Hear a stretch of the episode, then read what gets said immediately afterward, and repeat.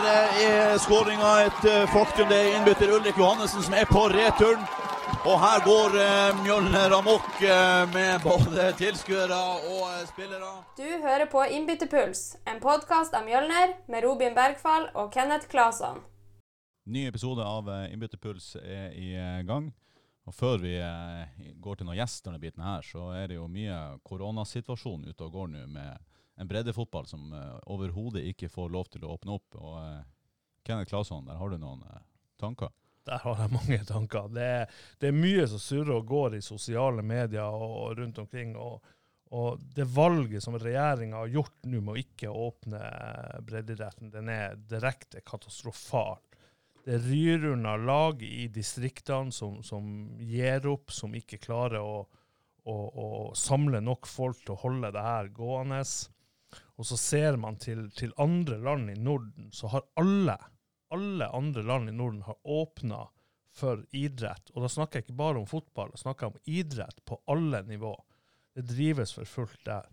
Og, og, det som er så rart i det hele, det er at vi kan ta med oss et A-lag, et damelag, eh, sette oss på et fly, reise til Danmark vi kan trene, vi kan spille så mange kamper vi har lyst til, sette oss på flyet og komme tilbake uten at det skjer noen ting. Det er fullt lovlig, eh, men vi kan ikke sette oss i bilen og kjøre til Skånland og spille en kamp.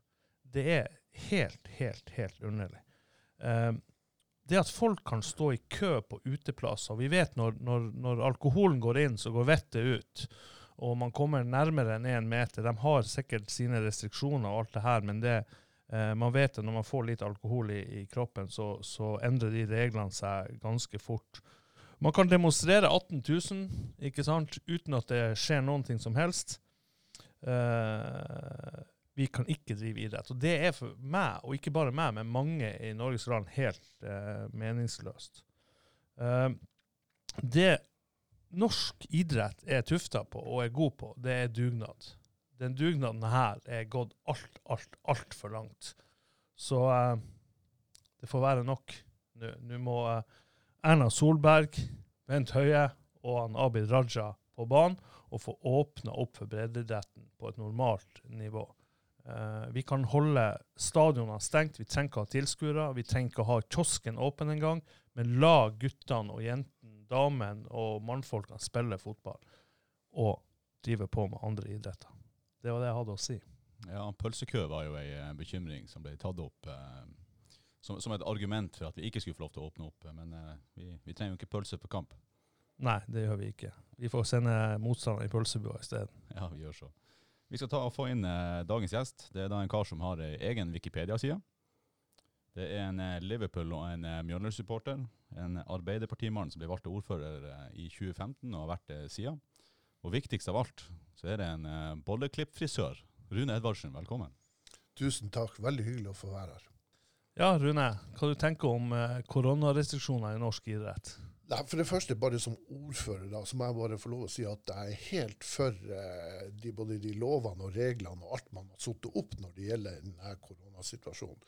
Men når det er sagt, så syns jeg ikke det finnes noe fornuft i det man har gjort nå fra regjeringas hold når det gjelder breddeidrett og barne- og ungdomsidrett. Det er overhodet ikke altså, altså, På den ene sida så er man ganske hard og tøff med barn og ungdom og, og breddeidretten. Og på den andre sida så åpner man opp helt hodeløst når det gjelder bl.a. restaurantliv, uteplasser og andre aktiviteter. Så um, der må jeg si at jeg er helt, helt enig med Kenneth Claesson. Det det er, helt ubegripelig. Og det, ikke minst det her altså Det har et enormt folkehelseperspektiv også i seg å åpne opp eh, breddeidretten og barn og ungdom. Så eh, nei, det, det, henger ikke på greip, og jeg, jeg støtter det overhodet ikke. Men samtidig så støtter jeg alle regler som har med, med korona å gjøre. Ja, det er jo sånn at, at Idrettsklubbene og idrettslagene har jo vært utrolig flinke i den perioden her med å, å forholde seg til retningslinjer som kommer. Trene med først to meters avstand, med maks ti i gruppe, så én meters avstand, ikke spille kamper. Alt det her. Og, og, og jeg syns, som jeg sier, vi har gjort en stor dugnad for Norge på akkurat det her, og, og syns at idretten har vært utrolig flink. Men, men jeg får jo med meg at det er mange som begynner å få ganske nok, for at de skjønner ikke argumentene. Det er det som er det store problemet. Det er jo at, at argumentene ligger der, men det er ingen som forstår dem. Og da blir det vanskelig å forholde seg til de reglene. Ja, og hvis du ikke skjønner argumentene, og hvis du ikke skjønner hva som ligger bak det, så får du heller ikke noe respekt for de reglene som er der. Så da vannes det ut sakte, men sikkert, og det er veldig uheldig. Så eh, her har man kunnet løst det på, eh, på mange, eller flere andre måter. Så eh, akkurat det her er jeg selvfølgelig ikke enig i. Ja, Så får vi jo se. De har jo sagt at de ikke skal møtes før 10. august, og da, eh, da går vel sesongen for, for de aller fleste. Så jeg håper jo at eh, regjeringa Og de får jo med seg det som skjer i sosiale medier nå. Det er jo en nasjonal storm i, i sosiale medier. og og det får de med seg om de er på hytta eller hvor de nå er. Så, så, så scroller de gjennom Facebook, og de blir jo tagga i, i masse innlegg. og han... Eh, Abid Raja måtte stenge Twitter-kontoen sin i helga, for han var nedausa med, med, med innlegg. Så de får det med seg, så håper jeg de tar til vettet og, og gjør noen, noen endringer på, eh, på kort varsel her nå. Skyter Ja. bare inn at den, den 10. august der, som de skal ha det møtet der, det er to dager etter den planlagte serieåpninga vår. Ja, og da, da sier jo 10. hvis du- Hvis du får lov å begynne å trene med kontakt 10. august, så blir det seriestart 1. september, og da ja, du klarer å gjennomføre en sesong. Men så vet vi også at, at eh, en, en stor del av de klubbene eh, er fra Nord-Norge, og vi vet alle hvordan klimaet er her oppe i, i slutten av oktober og utover i november, så du kan ikke spille langt utover før, eh, før alle banene er nedsnedd. Nei, jeg ser jo Et annet uh, alternativ der det er jo at du skal spille midtukekamper. Ja. Det jo, skal, vi, skal vi få til det med det, altså det nivået som tredjedivisjon er, hvor folk er på arbeid egentlig, og skal begynne da å reise? Ja, og, og tredjedivisjon er jo kanskje ikke den, den, eh, den, eh, den verste. Man tenker tenke på, uh, Hvis vi snakker om folkehelse, så er det jo en fjerdedivisjon og en femtedivisjon nå som, som er mer sånn helseperspektiv. Og klart Hvis de skal begynne å ta fri fra jobb for å reise og spille kamper uh, Balstad skal til uh, Narvik eller rundt omkring, så, så blir det vanskelig. Det blir vanskelig å få gjennomført. Så, så folkehelseperspektiv er jo kanskje noe med det viktigste oppi det hele. Og Derfor må regjeringa, mener vi, åpne opp for at folk får drive med fysisk aktivitet på normalt vis. Og vi ser nå Haraus har, har mista to lag bare den siste uka. De trakk herrelaget sitt, og så har de trøbbel på et uh, jentelag òg. For at folk orker ikke å gå på trening og stå med en meters avstand og, og sentre pasninger. Er det? Nord-Norge-banen er åpna for breddefotball. Ja, vi får, vi får ikke håpe det, da. Men, men, eh, men det er sikkert vært fint med Nord-Norge-banen òg. Ja, Vi må jo også huske, eh, i hvert fall vi her oppe i Nord-Norge, eller her oppe hvor vi egentlig bor. Det er, det er klart at, eh, er klart at eh, når vi begynner å prate om midtukekamper her oppe, det er lange reiseavstander, det begynner å bli høst og dårlig vær, så det er, ja, det er ikke bare bare å få det gjennomført det er fra september og ut. Så det har jeg stor forståelse på. Forholdet ditt til, til fotball og, og da Mjølner, i og med at det er Mjølner-podkast, hva tenker du rundt det? Nei, jeg jo, jeg er jo stor fotballfan uansett. Og jeg er jo, jeg er jo veldig glad i live idrett, og spesielt eh, fotball og de idrettene vi har rundt her i Narvik. Jeg er jo sjøl da vokst opp og har min bakgrunn fra nord fra jeg var ung. Eh, jeg husker jeg var med i turnering i 1972. Og da gikk eh, de her små lilleputt-turneringene de gikk da litt sånn rundt på de forskjellige bydelsbanene som var. Jeg husker jeg var med og spilte på Rønningtomta i 72. Og da het det laget som var organisert under, um, under Mjølner, da. Og det laget heter da Leeds, som jeg spilte på da. Jeg husker jo også jeg skåra da i 1972. Det var egentlig helt, eh, helt enormt stort, selv om jeg sikkert ikke var noe god å spille da. Men eh, det var i hvert fall veldig artig. Og så har jeg jo gjennom det vokst opp i nord. Jeg har jo da spilt i alle aldersbestemte klasser opp gjennom årene, og hadde helt fantastisk eh, godt gjeng. Og veldig mange av de jeg har spilt sammen med, har jo da spilt på Mjølner sitt A-lag. Og jeg har jo bestandig holdt med Mjølner sitt A-lag. Men så er det nå en gang sånn at det blitt veldig populært å si at en gang nordgutt, alltid nordgutt. Men det er man jo. Men uansett så eh, så er det som har hengt høyest, i hvert fall når det gjelder A-lag, og det har jo vært helt fantastisk. Men de Mjølner-lagene vi spilte mot opp gjennom årene, det var enormt gode lag. Og veldig mange av de spillerne på de lagene opp igjennom ble jo også A-lagsspillere. Men den årgangen jeg spilte i nord, den var også egentlig veldig bra. Vi tok veldig mange kretsmesterskap i den tida. Og um, vi hadde jo da han eh, velkjente Terje Enoksen som trener. Og han, han, hadde jo sine lag opp gjennom årene, akkurat samme som han Kjell Micaelsen hadde sine lag i Mjølner opp gjennom årene. Så det var jo kniving hele tida.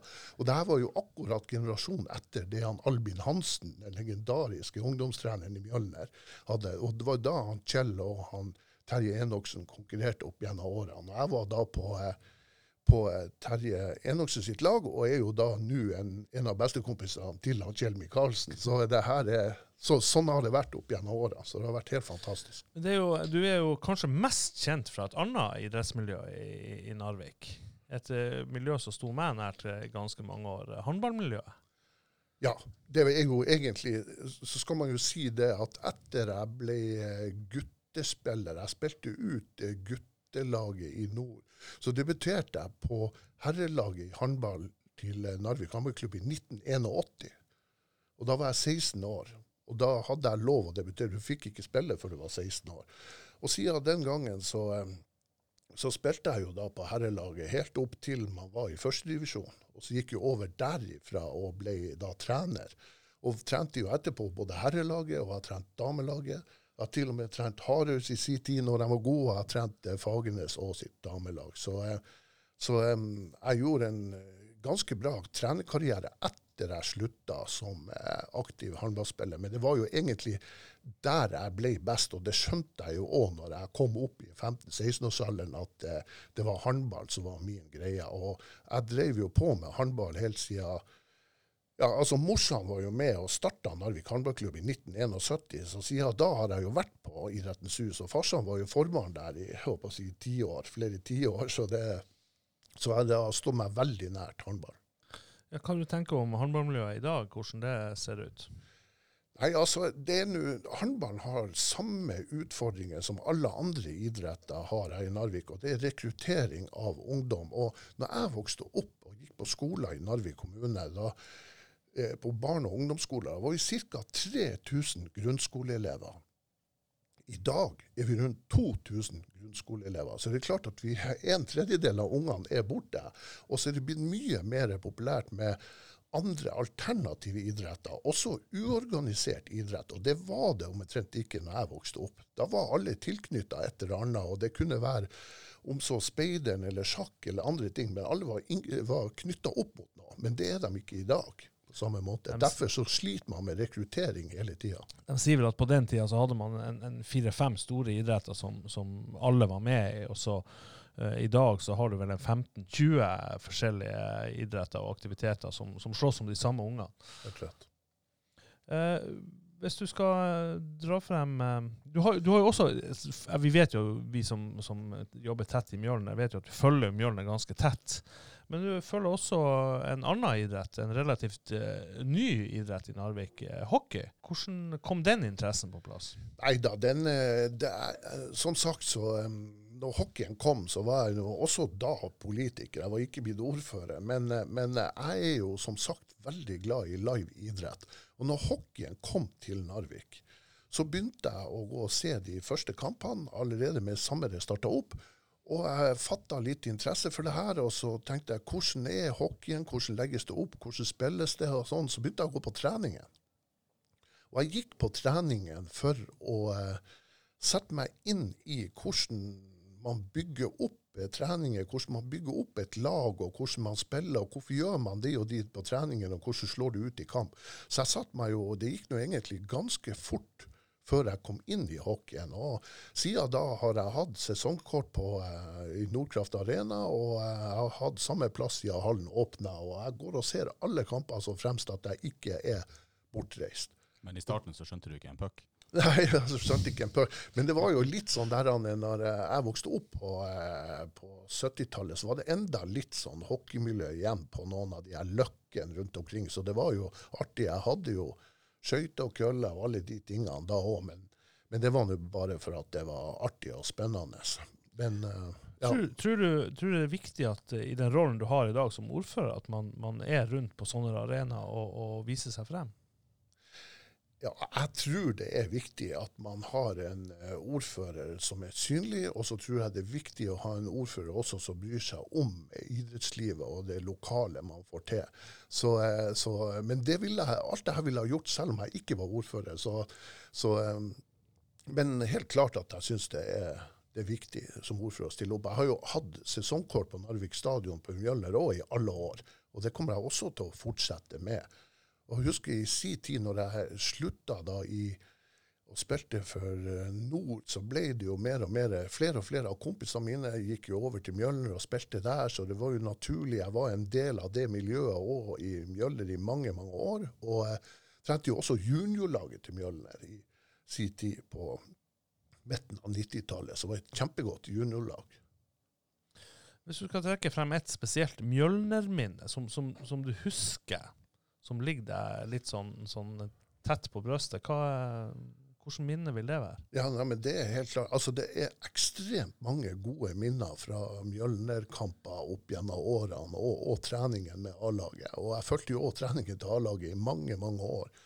Men jeg må jo si at når han kompisen min, Steinar Andorsen, i 1988, når Mjølner leda 5-0 over Skarp på Narvik stadion, og det var høstkamp Med seier i den kampen så um, var Mjølner klar for Tippeligaen. Og uh, da, på 5-0, så um, han Steinar Andorsen var en uh, meget god stopper. Han spilte forstopper i lag med. Så um, uh, han hadde jo aldri skåra i obligatorisk kamp. Og jeg er usikker om han Stina Handorsen noen gang hadde skåra på trening heller. Sånn at jeg hadde jo vedda med han, jeg var en av mine nærmeste kompiser, så jeg hadde jo vedda med han som sagt at hvis du noen gang skårer i en obligatorisk kamp for Mjølner, så skal jeg storme banen. Og i, han Mjølner leda 5-0 mot Skarp, og så fikk Mjølner straffe, og så ropte de andre lagkameratene 'Steinar, Steinar'. Så gikk han frem, faktisk, og så skåra han. Og jeg storma banen, og så husker jeg jo etterpå, vi så det på Sportsrevyen, han Steinar jubla, og jeg kom springende ut på banen og jubla. Så det syns jeg var en artig historie. Akkurat det bildet der husker jeg faktisk. Så eh, du har jo sagt litt om din egen idrettskamp. Narvik som idrettsby, hva, hvor viktig er det for Narvik eh, som kommune å ha et eh, bredt og godt eh, idrettsliv? Ja, det, er, det, betyr, eh, det, betyr, helt enormt. Og én uh, ting er jo det at vi skal jo ha noe å leve for òg. Og uh, det, det, er veldig viktig med jobb og næringsliv og alle de tingene, men vi skal ha noe å gjøre på fritida. Og vi alle sammen er blitt sånn at vi, eh, vi ser til eh, hva er tilbudet utenom arbeidslivet også. Og der har Narvik vært historisk god når det gjelder sport og idrett. Vi har vært idrettsbyen nummer én i Nord-Norge, i hvert fall i forhold til folketallet. Husk på, vi var først opp i, i det som heter førstedivisjon, altså Tippeligaen i 72. Vi er først oppe i Gateligaen når det gjelder hockey. Vi har brytere, altså har vært norgesmestere på løpende bånd helt siden 50-tallet. Og vi, vi har, ja, det, det så, og håndballen gjorde det helt enormt godt i, i, i si tid også, fra 70-tallet og oppover. Så det har vært eh, vi er idrettsby nummer én i forhold til folketallet. Men det er klart at nå har vi ikke de store toppene lenger. Nå er det bare hockeyen som er oppe der enda. Men eh, mens eh, fotballen har, har, det gått litt sånn opp og ned med årene. og Får nå håpe på at det gror godt nå, at det er, det er noe på gang. For det har flere ganger vært nære på. Ja, så må vi ikke glemme at vi har masse gode alpinister også som kommer fra byen her. Enormt mange gode der. og vi, altså det, er, det, er så mange idretter vi egentlig har vært gode i. altså Det er vanskelig å få med alle. Men det er klart at vi er jo alpinbyen, og i dag så er vi jo si, alpebyen mellom fjord og fjell, så vi ja. har alt. Og så er det litt artig at Når vi snakker om, om, gode eh, prestasjoner, så har vi jo en Håkon Evjen som kommer fra Narvik, som er ute der og, og presterer. Vi har en Marit Røsberg Jacobsen som spiller på landslaget. Og, og det her. Så vi får jo frem noen, noen, gode spillere, eller utøvere rundt omkring, som forlater Narvik. Ja, ikke tvil. Og det har man gjort i alle år. Man har klart å få det. Men nå er jo de her to du nevnte nå, Håkon og Marit, de er jo helt enorme. Men det som er vanskelig, det er når de blir 16-17-18 og beholder dem. For at de er såpass gode at hvis de skal utvikle seg videre, så er de nødt til å forlate. For at vi har ikke flaggskipene enda, verken med Narvik håndballklubb eller Ankenes håndballklubb eller Nord, som det heter nå. Og, og Mjølner er ikke der oppe, sånn at man kan holde absolutt de beste spillerne og talentene. Hva du, tror som skal, du sier at man er ikke helt der oppe. Hva tror du som skal til for å komme opp dit? Nei, altså, jeg mener at det er realistisk for Mjølner nå, det er å på eh, i løpet av noen år å kanskje komme opp i Altså, førstedivisjon bør være det, det, det, det, er fullt mulig. Med flaks og med en hel by og næringsliv og, og, og, og i støtte, så kan Adeccoligaen være et mål. Men over det, det, tror jeg vi ikke er store nok til, og vi er ikke attrakt nok. Og vi har kanskje ikke de ressursene, både verken i byen eller i næringslivet, til å kunne holde et uh, Adecco, eller i hvert fall et tippeligalag. Men, uh, men uh litt eh, For oss, idrett, hvilken rolle har det i forhold til å skape bolyst i en, i en eh, kommune som Narvik? Jo, det er, det, er, det er, helt avgjørende. Altså, idrett og kultur er utrolig viktig for bolyst. Det er som jeg sa i sted, at du, du skal ha noe å leve for òg, ikke bare noe å leve av. Og Derfor så er idretten og kulturen kjempeviktig. Og så er jo den naturen vi har, veldig viktig. Og Da gjelder det også å ta vare på de naturperlene man kan, og så får man utvikle det andre. Men, men, det er klart at vi har også en del folk som kommer hit til Narvik pga. naturen. Og hva ville f.eks. UiT eller UNN vært i dag, har man ikke hatt det, den naturen man har, og det fjellanlegget vi har? Ja, og så vet jo jeg at du er, du er Liverpool-supporter. Uh, og Da er det jo kanskje gledelig i disse dager at man har dratt inn et uh, seriemesterskap. Uh, men jeg lurer litt på, hvordan, i oppveksten din, hvilke idoler hadde du da? Altså, vi, vi, snakker ikke bare om idrett her nå. Det kan være idoler fra, fra andre. Punkens verden. Hva, hvilke idoler hadde du? Jeg hadde to idoler når jeg var uh, ung og, og ungdom. og dem har, jeg, dem har jeg hatt hele tida, og de har jeg referert til flere ganger. Det var Kevin Keegan på Liverpool, og så var han Torbjørn Daabak. Han Torbjørn Daabak, en legende i Narvik. Ja. Ja. Og en nær kompis av meg i dag. Nevnes uh, ofte på samme hylle som Kevin Keegan. Nei, men han Torbjørn Husband, da, I 1971-73, når jeg begynte å gå på Idrettens hus, så var jo han stjerne i håndball. Da, ja. ikke sant? Så det var også den typen han var. og Nei, Han er en utrolig flott fyr, så han har vært et forbilde. Det, jeg fikk vel kanskje smake litt av det han Torbjørn eh, på slutten av karrieren så var det mer kamper enn trening. Så jeg trodde jo òg det skulle være litt sånn når jeg også vokste opp, så det ble kanskje mer kamper enn trening. så det ble kanskje... Ja, eh, det, og liksom, når, når vi uh, ble enige om at vi skulle få deg som gjest her, så, så, tok jeg en liten runde. og Det var jo en av tingene folk sa om det. at Runa var veldig glad i å spille kamper, men var ikke så glad i å trene. Så det stemmer faktisk? Ja, det, det, stemmer. Jeg var jo på trening, men kanskje ikke den beste innsatsen bestandig. Og eh, nei, jeg var mye mer glad i, i, i kamper enn uh, en trening. Men det er klart at det fantes jo et balansepunkt når du ikke skulle få være med å spille hvis du ikke var med. Men, uh, men jeg klarte meg nå såpass bra til det kom opp de storkanonene som kom etter oss, som hadde trent fra dem. Var små. Og da tenker jeg på ja, håndballspillere sånn, Trond Halvorsen, så kom han Geir Daniel, og så kom han Frode Kristiansen. Kjell Skog. Og Kjell Skog, og alle de der guttene. ikke sant? Og da da var det kveld og mørkt. altså. Da, De trente jo, og de var seriøse. ikke sant? Så du skulle ønske du hadde trent litt mer? Ja da, men jeg begynte jo å dra litt mer på årene da, så det var jo seint å skulle begynne å trene da når de kom. så det var...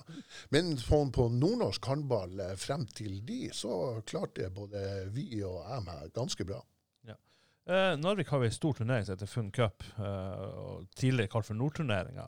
Hvilken betydning har den for byen og regionen, da? Den er viktig. Altså, den er, det en milepæl for Narvik, og ikke minst for resten av Nord-Norge, de her lagene som kommer. Er, jeg har spilt i Nordturneringa sjøl i alle år. og Siste gang jeg var med i Nordturneringa sjøl, som heter Funcup nå, det var i 1981, og da vant vi Nordturneringa. Jeg husker også vi konkurrerte eh, med TIL. Og det TIL-laget var det veldig mange som spilte på A-laget etterpå, og spilte da i eh, det som heter Tippeligaen nå. Og Jeg husker også at vi, vi, eh, jeg tror TIL ble nummer to i den turneringa, og vi vant. og Vi spilte da på stor bane to ganger 15 minutter mot Heggelia, nede på Jaklamyra. Og eh, vi hadde et ganske bra nordlag, eh, hvor vi vant 31-0 på to ganger 15 minutter. Og da skåra jeg faktisk ti mål sjøl. Og det var kjempeartig. Jeg husker han Remo var rett bak, han hadde syv mål. Så det var et kjempegodt lag. Mange av de spillerne ble jo A-lagsspillere både i Mjølner og Nord. Hvordan var du sjøl som spiller? Nei, jeg, Da spilte jeg spiss. Da skåret jeg jo ti mål i den. Men eh, i uh, årene før så var jeg jo midtstopper. Jeg spilte jo på kretslaget. Så jeg var en sånn habil, eh, grei spiller. Men jeg skjønte vel allerede da at det var håndballspiller jeg skulle bli. Men, eh, men jeg klarte meg bra på fotballbanen. Det gjorde jeg. Men, men, men Nordturneringa og Fun Cup det betyr ekstremt mye for eh, for, ja, det gjør det også for næringslivet her, og det gjør det for, altså for klubben. En voldsomt bra PR og markedsføring for klubben, og de som har stått bak, har gjort en fantastisk jobb. Og det er en dugnad, og det er en, en stolthet. Jeg må si at jeg er oppe og ser hvert eneste år under Fun Cup, så er jeg og går på stadion og, og ser. Og er det noen spesielle kamper, så kan det godt hende jeg kjører i distriktet og ser dem òg, men, eh, men som regel så er jeg på stadion i to til tre dager for å få med meg alt som skjer. og Det betyr veldig mye. og Der mener jeg at både næringslivet, kommunen og alle andre må være med og legge til rette, for det her må vi ta vare på. Nå begynner det å bli en ganske stor turnering tilbake igjen. For i sin tid så var Nordturneringa Nord-Norges største turnering. Og vi er vel ikke langt unna der nå. Det er vel bare Alta-turneringa som er større i Nord-Norge per i dag. Så um, den er viktig å ta vare på. Tror du, tror du ei sånn turnering er med på å skape bolyst? Ja, helt klart. Helt klart er det det. Og det, det er flere sånne happeninger det er, dess mer bolyst er det.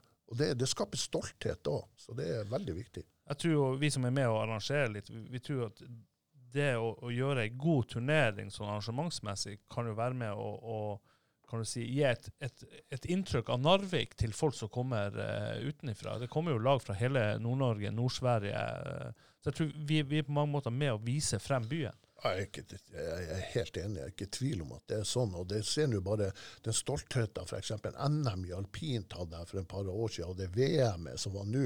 For i stolthet og bolyst det er så, altså, så nære happeninger som arrangementer som det der, og funcup, er kjempeviktig. Og det må vi, hele samfunnet her, støtte opp om. Du kom jo sjøl inn på det, VM alpin. Hvilken betydning vil det få for Narvik hvis man skulle få et VM i 2027? Altså, jeg vet jo du, her, her brenner du for. Det her er du ordentlig engasjert i, og, har vært mye i media rundt det. Og, men prøv å sette de som hører på, inn i hvilken betydning vil det få for Narvik som by? Ja, ja men altså, For å ikke gå inn på idretten i seg sjøl, hvis jeg bare tenker på som, som fra ordførerstolen min, så kan jeg jo si at de er 14 dager med idrettsfest oppe i fjellet. Ja, vi skal feste og være til stede alle sammen, men det betyr ikke så mye. Det er bare rett og slett prikken over i-en. Det som betyr noe, det er de her syv-åtte årene før et VM og de åtte-ti årene etter et VM som betyr. Men det som blir investert lagt igjen av infrastruktur, reiseliv, turisme, alt som bygges opp, det kommer til å være igjen her. Og vi kommer til å nyte godt av det i veldig mange år. Og se hvor mange milliarder de har brukt i året. En liten plass i Sverige altså, hvor staten har vært inne med fire-fem milliarder kroner. Og det er klart at det kommer til å investeres masse her, og det har vært investert masse her i andre offentlige penger også, og private. Sånn at um, det er kjempeviktig så kan man jo si at de 14 dagene var, et VM varer bare 14 dager. Ja, men det kommer nok til å vare 20 år for Narvik. Både før og etter. Hva er oddsen for at vi får uh, VM? Jeg tror, um, jeg tror, at vi får VM. Men om VM-et kommer i 2027, 2029 eller 2031, det er jeg mer usikker på. Men at vi får et VM, det er pga. at Norge blir å få et VM. Og Norge har aldri hatt VM foruten om i 1952, da det var slått sammen med OL i Oslo. Sånn at eh, de internasjonale skiforbundene og resten av verden har spurt etter Norge. Og hvorfor er ikke Norge, og kommer ikke Norge opp med noe? Og nå kommer Norge opp med noe som hele Norge har tro på er en X-faktor, og det er Narvik. Og derfor så tror jeg at vi får et VM. Hva er det som er vil være så spesielt med et VM i Narvik? Nei, det er jo som jeg sier, vi er jo byen mellom fjord og fjell. Og det er den spesielle naturen vi har her oppe, med at du kan kjøre rett i sjøen. Og, og du har faktisk eh, I VM-sammenheng så er jo faktisk Narvik en stor by. Ofte så arrangeres jo det her på små plasser eller som vintersportssteder som ikke har den, ja, den infrastrukturen rundt som Narvik har som by her. Så det, vi er, vi er klare, og det her skal man eh, klare å løse på en veldig god måte. Og når du ser på Norges Skiforbund, så er de helt eh, full av entusiasme for at Narvik skal få det her. Du sier at eh, vi er klar. Er Narviks befolkning klar for et sånt mesterskap? Vi må gjøre dem klar. Altså Det vi er klar til, det er i form av, i form av det at eh, vi vet nå hva som kreves, og søknaden. Men det er klart at Narviks befolkning eh, Det er vel sikkert enda noen ute der som går rundt og tror at det her er et luftslott, at det her aldri kommer til å bli noe av, og det ene og det andre. Men vi er kommet mye lenger enn som så. Og eh, får man nå et VM, så vil denne byen stå på hodet i eh, ja, 14 dager til en måned. Men så er det det Man blir å merke det på reiselivet hvis Narvik får eh, et VM. For det er klart at de kommer fra fjern og nær og fra andre deler av verden for å se på hvor er det de skal arrangere det VM-et. Og i ettertid, hvor har det vært det VM-et? Og i tillegg til at eh, både byen og fjellet kommer til å bli ja, det er Alle som er interessert i vintersport og sport generelt, kommer jo til å vite om Narvik. Ja, nei, Jeg håper jo for all del at vi får det. Det ville vært helt fantastisk å få eh, hele det skisirkuset eh, til, til Narvik og, og, og, få oppleve det på nært hold. Det ville vært helt, eh, helt utrolig. Du har jo en, en Mjølner-elver som skal tas ut. Din favoritt-Mjølner-elver gjennom tidene.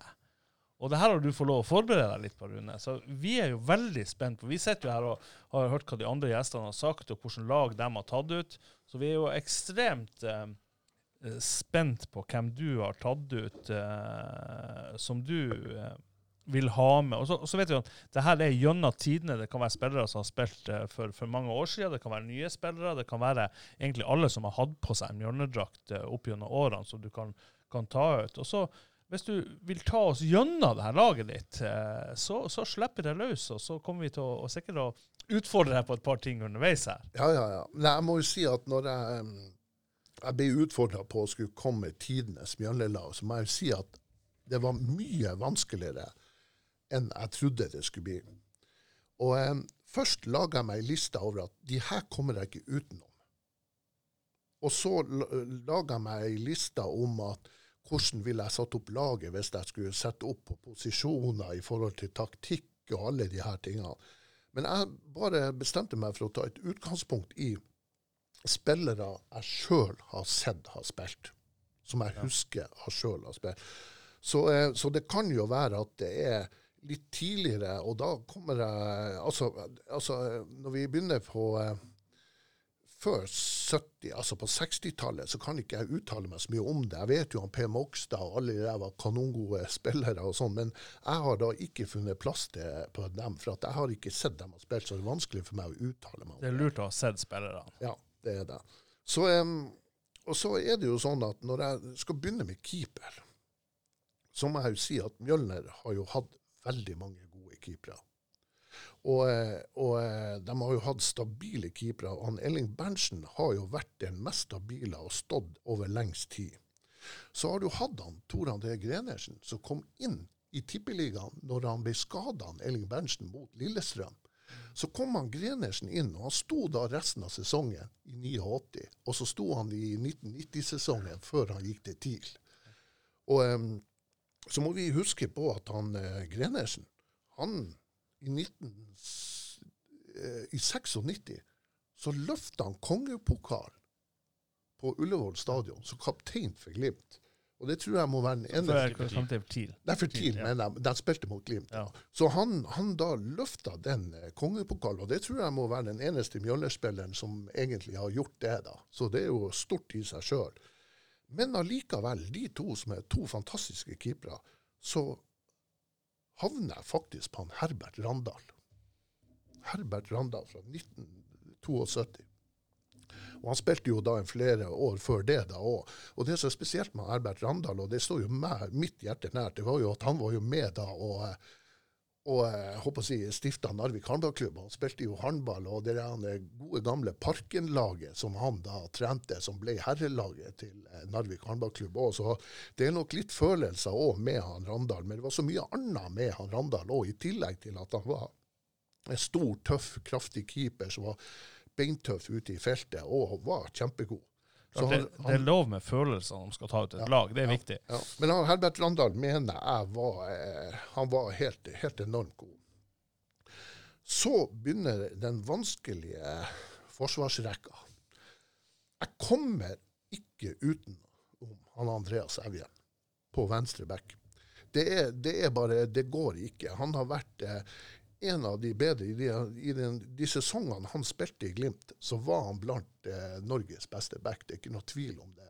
Og han var i hvert fall den beste backen som spilte i Glimt over flere år. Så eh, han kommer jeg ikke utenom. Han var god når han spilte i Mjølner. Og, Litt artig at uh, sønnen Håkon Haugen tok han ikke ut på sitt lag. nei, det er sant. Og så er det sånn at eh, på den andre backen, høyre back, så blir det da han eh, Klasken. Hans Ivar Iversen. Og eh, han eh, Alle har jo både lest og fått referert i avisartiklene som sto at det fantes to Iversen på banen. Hans Ivar Iversen og Odd Iversen. Og til og med han eh, Eusebio i sin tid var og spurte etter autografen. når de hadde sett det, Så det sier jo litt. Men han var òg en spiller som var helt fantastisk, og han var jo like kjent da som bryter. Jeg vet ikke hvor mange norgesmesterskap i bryting han hadde, men det var ekstremt mange. Og han kunne også selvfølgelig nådd kjempelangt hvis han, som flere av de andre, har ville forlatt Narvik i sin tid. Så kommer jeg til stopperpar. Der har jeg, der har jeg hatt, eh, gått flere runder med meg sjøl. Men jeg kommer faktisk ikke utenom at Nils Ola Markussen må få den. Og han Isola han kom da til Mjølner, tror jeg var i 76. Og siden da så spilte han fast som midtstopper på Mjølner, og han spilte vel i, i 89, jeg tror til og med han var med i 1990. Så, eh, så eh, han har en eh, 14-15 år som eh, stopper i Mjølner.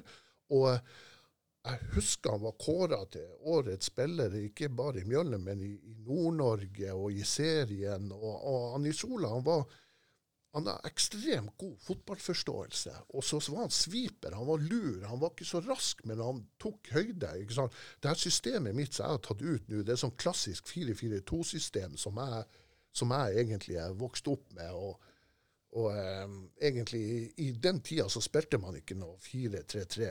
Så, eh, så Nils Ola der med, med baker ligger og dirigere og rope og skrike og ta ut høyder og teknisk god og slo gode baller, det, er derfor så Jeg kommer ikke utenom han. Det er mange som sier at han, eh, Nils Olav i, i sin tid, hvis han hadde vært eh, si, sørlending, så hadde han vært på landslaget. Men det var Ja, det vil jeg nok tro. For at jeg husker både i Bodø og i Tromsø så skrev avisene om at han var kanskje Nord-Norges beste spiller og det ene og andre. Så, så jeg kommer faktisk ikke utenom han heller.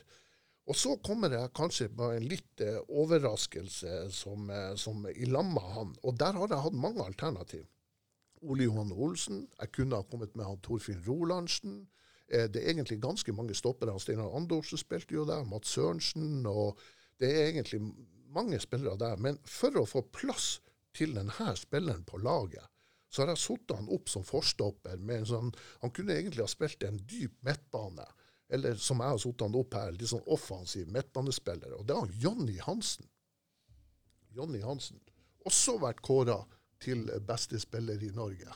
Jonny spilte for øvrig òg cupfinale i sek- 96. Han spilte òg cupfinale. Og er også opprinnelig nordgutt. Ja, han nå- kommer også fra nord. Så, eh, så eh, han Jonny han var ekstremt god når han da kom fra nord i de tida, og så spilte for Mjølne, og så gikk videre til TIL. Og, så han, han hadde jo en karriere i Lyn òg, og så var han litt eh, proff.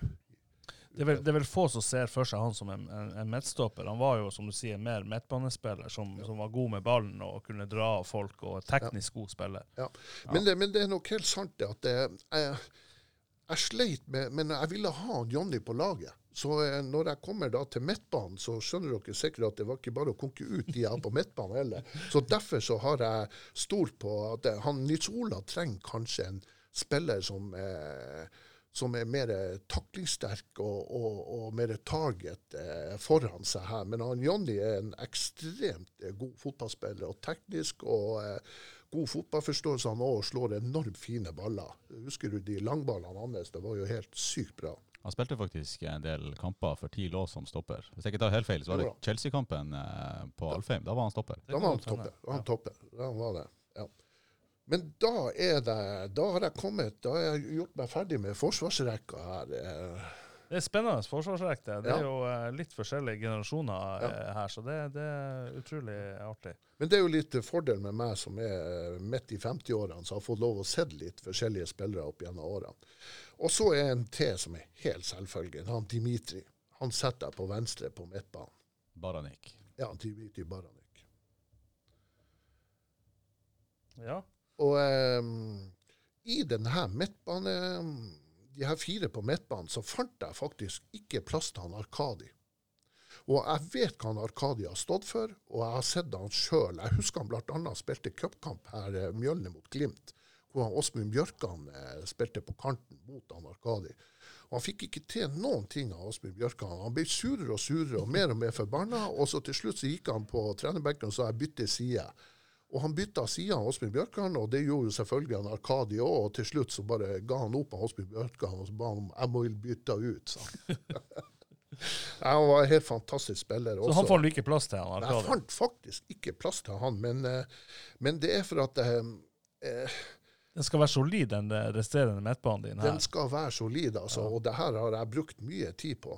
Men han Rolf Furuli det er, var også en utrolig god spiller med teknikk, blikk og fart. Og han hadde de vanvittige løpene og gjennomløpinga. Altså han Jeg kommer faktisk ikke utenom han heller. Jeg hadde så lyst til å ha Rolf Furuli med. Han var altså så god. Så um, de som ikke har sett han Rolf Furuli, de skjønner sikkert ikke hvor god han egentlig var. Men, men han, har, du, har du han på laget, Han eller? har jeg på laget. Ja, Rolf Furuli. Jeg tar han sentralt på midtbanen.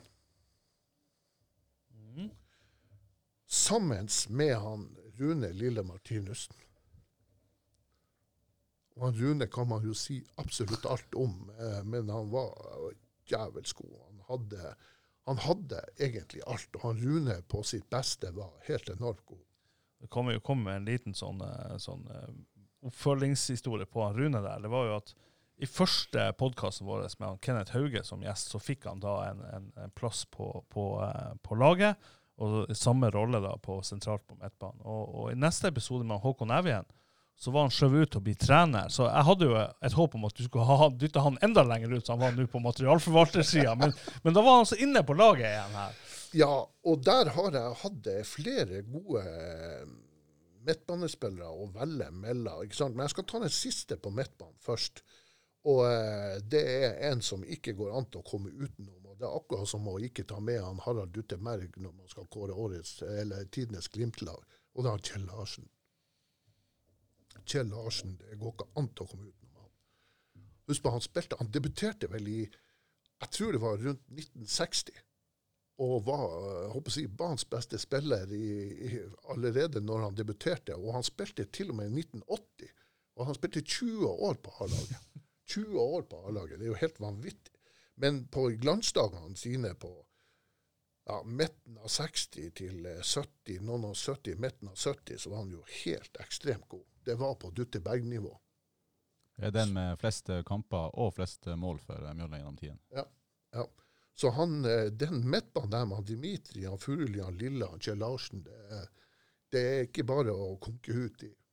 Nei, det er en sterk eh, midtbane der, og, og det, er sikkert, det er jo sikkert masse gode midtbanespillere som har vært i Mjølner, som, som, som man ikke finner plass til her. Ja, og det er jo eh, den jeg ikke fant plass til eh, på, eh, på midtbanen her. Det er jo eh, som jeg har sittet på reservebenken da, men det gjelder vel ikke her. Men jeg kan i hvert fall si det.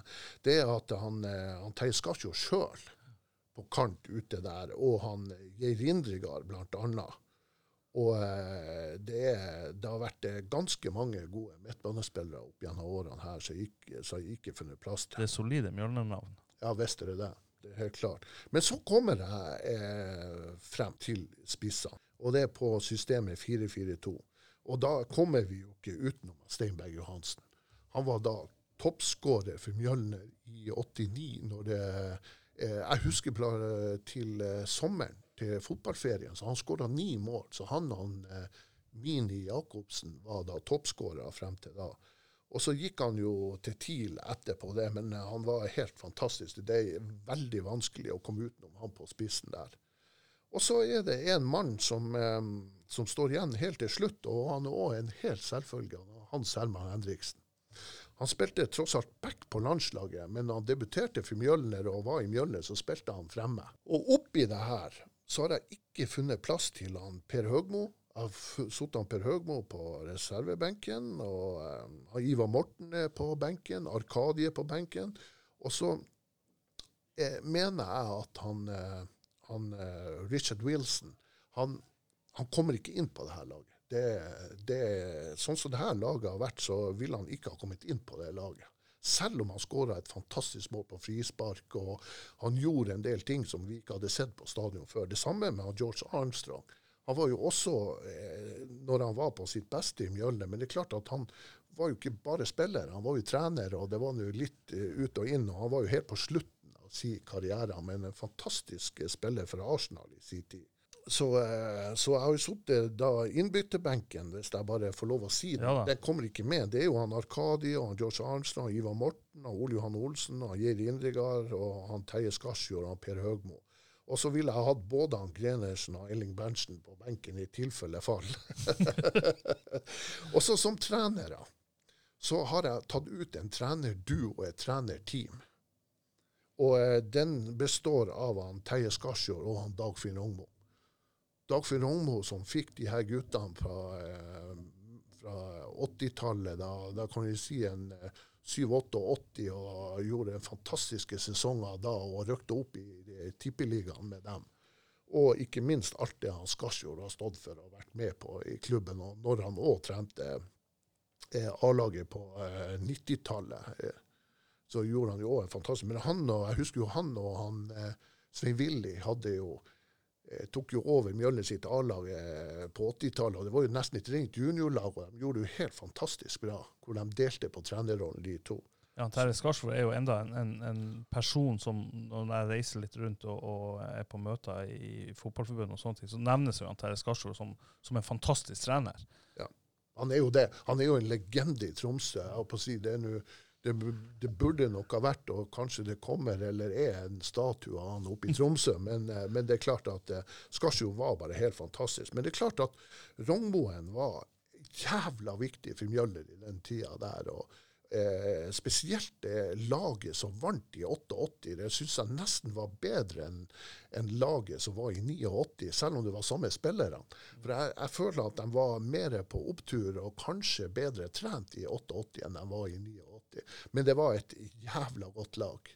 Ja, Dagfinn er jo også en spiller som du ikke har fått plass til. Nei. Spiller som ikke har fått plass til. på... God spiller som ikke har fått plass til her, og det var egentlig eh, flere. Dagfinn Rognmo er en av dem, men, eh, men eh, det var så jækla mange gode spillere i den generasjonen der, og som kom etterpå. Så, nei, så den, jeg må si at den her elveren jeg har, den er jeg syns den er utrolig bra, men, eh, men jeg skulle gjerne ha hatt plass til noen flere. Men det, sånn er det. når Skal du få lov å, skal få lov å spille med mer enn elleve spillere. Ja, ja. Nei, så det mm, Jeg tror nok eh, det er selvfølgelig han Herbert Randal. De som husker han, de eh, vil nok si at de er enig med meg i det. Så det eh, han Evjen, Nils Olav, han Jonny Hansen og han Klasken baki der. Og så han Dimitri og han Rolf Furuli han Lille og han Kjell Larsen på midtbanen. Og han Stein Berg Johansen og Hans Hemma Henriksen fremme. Altså, det skal godt gjøres å få noe særlig bedre lag. Det er jo mye fart fremme der. Både han Stein Berg og han, Hans Herman var jo lynrask til fots, så, så der eh, kunne du ha sprunget inn noen mål. Ja, Men så ser dere jo at jeg er ikke med han Håkon Evjen. Og det handler ikke om at ikke jeg ville ha han med, men jeg har jo ikke sett han, eh, Håkon. Husk på, Jeg har mulig sett han i ungdomstida og kanskje inn ett eller to innhopp i Mjølner sitt A-lag da han var 15 år. Men jeg har ikke sett han etter det. Og har jeg sett han, og han har vært og spilt noen sesonger, så har jeg jo sikkert ikke kommet utenom han heller. Nei, da er det Kjell Larsen som måtte ha gått ut. Ja, Det har blitt ja, enda vanskeligere her. Ja, ja. Ja, nei, men det, det er en sterk, eh, sterk elver det der, og mange spennende og historiske navn, ikke minst. Ja. Det er det jo. Tenk deg nå hvor godt Mjølner jobba på den tida på 80- og 90-tallet. Altså, hvis vi bare tenker tilbake til cupfinalen i 96, hvor TIL og, eh, hvor TIL og Glimt spilte. Så bare på, det, de, på banen, eller på de to lagene, så hadde du han Tor André Grenersen, og Jonny Hansen, og så hadde du faktisk han Stein Berg Johansen. Tre stykker fra Mjølner, eller så hadde vært innom Mjølner og Mjølnergutta. Og på Glimt så hadde du faktisk han, han Andreas Evjen, vi hadde han Stig Johansen og han Terje Ellingsen. Så vi hadde egentlig faktisk eh, sju stykker der. Vi hadde sju stykker der, for han Thomas Hafstad var òg med. Ja. Så vi hadde sju stykker fra Mjølner som spilte egentlig den cupfinalen i 96. Og det sier bare litt om klubben og rekrutteringa og, og hvordan, det, hvordan fotballen var i Narvik, når du kunne sende så mange gode fotballspillere og spille en cupfinale. Og hvor en mjøllegutt med Tor André Grenersen løfter kongepokalen som kaptein for TIL. Helt fantastisk.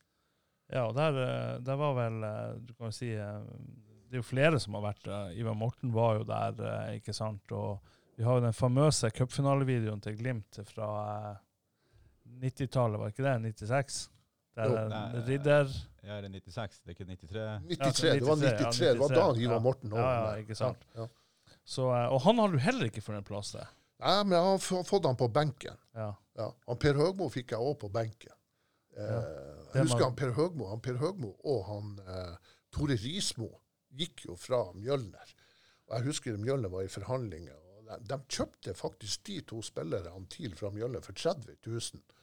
25 000 for han Per Høgmo og 5000 for han Tore Risbo.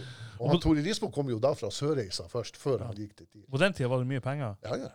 Det var sånn det var. Det var de prisene det var i den tida. Ja. er spennende, spennende å høre.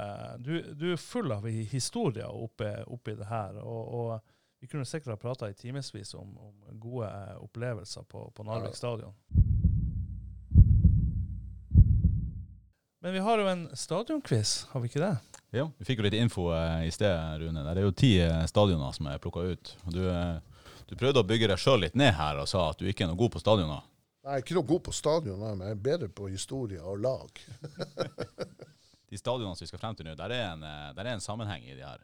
Så får vi se om du tar dem underveis. Akkurat det tviler jeg på. og så er det noen, eh, kan være noen potensielle jokere inni her.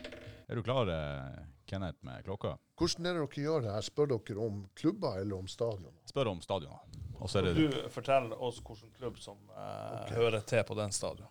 Oi, oi, oi. Du får altså ett minutt. Det er ti stadioner. Og så kan du si pass, og så kommer vi tilbake til dem innenfor det minuttet. Ja. Så eh, får vi se. Jeg er klar, så du skal eh, bare begynne å eh, lese. Ja, Da er vi klar. Metropolitano Stadium. Ehm, pass foreløpig. Stamford Bridge. Eh, Chelsea. New Meadow. Pass. Villa Park. Eh, Aston Villa. Red Bull Arena. Uh, Vålerenga. Eh, KRC Genk Arena. Ja, det er Genk. Stadium MK. Eh, Dons. Stadio San Paolo. San Paolo Eh, I Rio. Det er jo eh, ja, eh, Pass foreløpig. Besiktas Park. Ja, det besiktas. Camp Nou. Eh, Barcelona. Ja, da er det noen du ikke har tatt. Metropolitano Stadium. Eh, det er ikke Inter.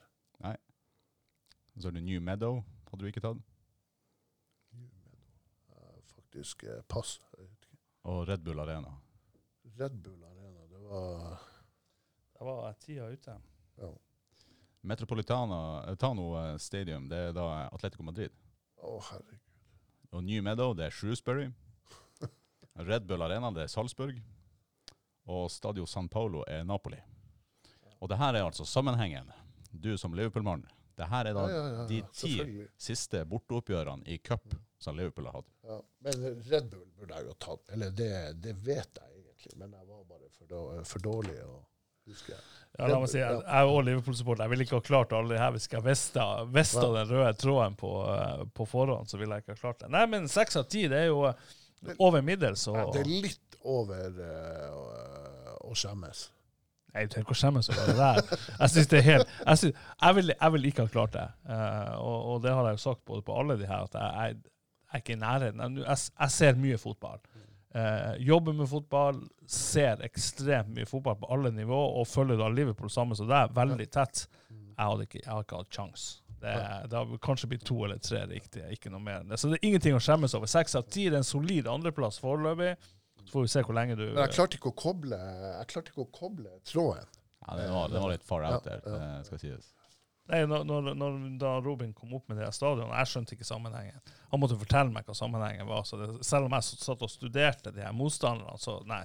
Jeg hadde ikke, jeg hadde ikke kjangs. Ja. Men Red Bull, den, den, den var dårlig, for den, det vet jeg jo at det er Salzburg. Det, det var bare konsentrasjonssvikt. En, en liten konsentrasjonssvikt, ja. Men seks av ti, da er det inne på andreplass Ja, av tre. av tre. Ja. Det er godt på pallen. Ja, men det er bra. Vi skjemmes ikke over det. Det er helt greit. Ja. Nei, man skal ikke skjemmes. Det er jo eh, Og helt til slutt, eh, sånn Rune, før vi nå begynner å så smått å runde av, så, så hadde jeg litt lyst til å utfordre deg på Har du noen gode historier fra eh, ditt eget arkiv, håper jeg å si, fra idrettsmiljøet i Narvik, som kanskje ikke alle eh, er klar over? eh, litt sånn, Det kan være fra håndballmiljøet, fra fotballmiljøet. Noen, noen gode opplevelser. Nei, altså, Jeg har jo stort sett bare gode opplevelser, og det er jo vanskelig å trekke ut en sånn der. Jeg har jo, eh, Det finnes jo mange artige historier, og så er det jo mange av dem som ikke passer seg på radioen og passer seg å, å eksponere sjøl etter jeg ble ordfører. Men, men, men det finnes jo utrolig mye artig. Men, men eh, det er noe helt spesielt med det her med å drive lagidrett og være et gjeng og trene i lag for å oppnå noe. og Vinne og tape i lag. altså Det er helt fantastisk. Men eh, men sånne enkelthistorier eh, da, jeg, jeg tror ikke Jeg kan mange av dem, men det som du sier, de egner seg ikke på, på lufta her. Det, det, det gjør jeg ikke. Jeg har, jeg har et, et bilde som jeg syns er Det er en, en opprykkssesong eh, der, der eh, fremoverjournalisten da var inne i Mjølnegarderoben og tok, eh, tok et bilde. Der står bl.a. Elling Berntsen, og det er tatt i dusjen. husker det. Og imellom de her menneskene så ser man en, en, en liten gutt. Så hodet til en liten gutt. Og, og, og det han, altså Bjørn Smedseng som jobber på Sportssenteret. eh, Som har snekket seg inn i garderoben og inn i dusjen til A-lagsgutta og får være med på, på det, det seierspillet. Husker du det? Jeg, jeg bildet? husker bildet, men jeg husker ikke han Bjørn. Men det er jo kjempeartig. Jeg skal se etter det. Det, det var han Bjørn Smedseng. Og det, det er litt sånn spesielt, for det bildet har liksom brent seg inn. Jeg er en liten gutt som har stolt av å få komme inn i garderoben, bare snekke seg inn i dusjen og blir med på det, på det halvveis nakenbildet. Der er hodet til han Bjørn Smedseng. Ja. Nei, idretten har skapt noe helt vanvittig gode og mange eh, flotte historier. Så det, det er vanskelig å gjengi bare én av dem. Men Ja. eh, Jeg hørte at du var aktiv i eh, slalåmklubben Kurt. ja, det var jeg jo òg i sin tid. Det var jo bare to medlemmer. Det var jeg og Runar Aam. Ja, Vi og, gikk i 17. mai-toget under Kurts alpinklubb. og så var det jo en, en, en curlingklubb òg. Ja, Rønningtomta curlingklubb. Ja. Jeg var jo òg aktiv i starten, i hvert fall. Så det har vært eh, mye artig. Ja. Det, det, det, men det har vi ikke. Det eksisterer ikke lenger. Nei da. Jeg husker, nei, nei, det gjør ikke det. Men jeg husker før i tida så eh, brukte vi å ha eh, Når vi hadde fester, så hadde vi jo da kretsmesterfest. Og da måtte du ha vært kretsmester for å komme inn på festen. Uansett eh, idrett. Og vi hadde jo veldig mange kompiser som hadde vært kretsmester, men så er det jo det der å ta vare på bevisene. Ja. Ikke sant? Og, eh, og, eh, og det var jo noen gode kompiser som kom, så vi visste hadde vært kretsmester, men hadde ikke bevis, så de fikk jo ikke komme inn. Og så hadde vi jo eh, vi hadde faktisk noen som hadde både sølv og bronse i NM i, i karate, som vi visste. Og han var bare på ferie her inne. Han fikk ikke komme inn. ikke sant? Så det var, vi hadde jækla mye artig med det der. Så en gang i året så hadde vi kretsmesterfest.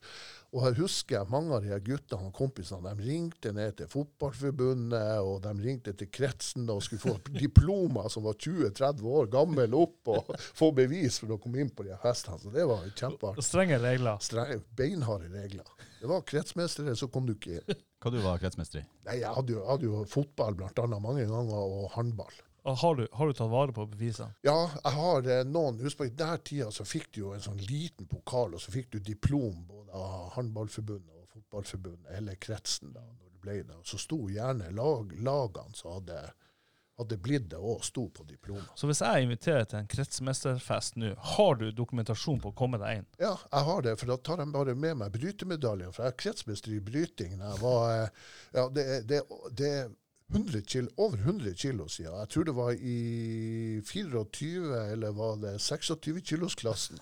Så det er omtrent 100 kilo siden. Så den har jeg enda. Og jeg var ikke noe stor bryter, men i den tida så var det vanlig at vi, veldig mange av ung, ungene gikk på brytinga.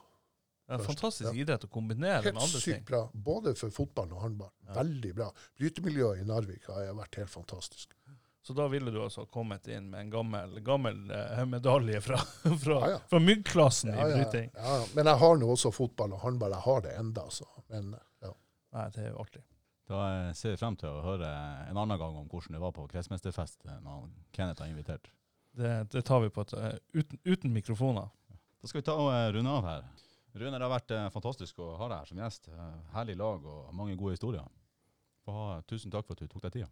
Tusen takk for at jeg fikk komme. Det var veldig hyggelig. Og så syns jeg det er opp og frem med Mjølner at de også har laga denne podkasten. Så det skal dere ha all kred for. Det betyr at dere følger med i tida. Så tusen takk for at jeg fikk komme.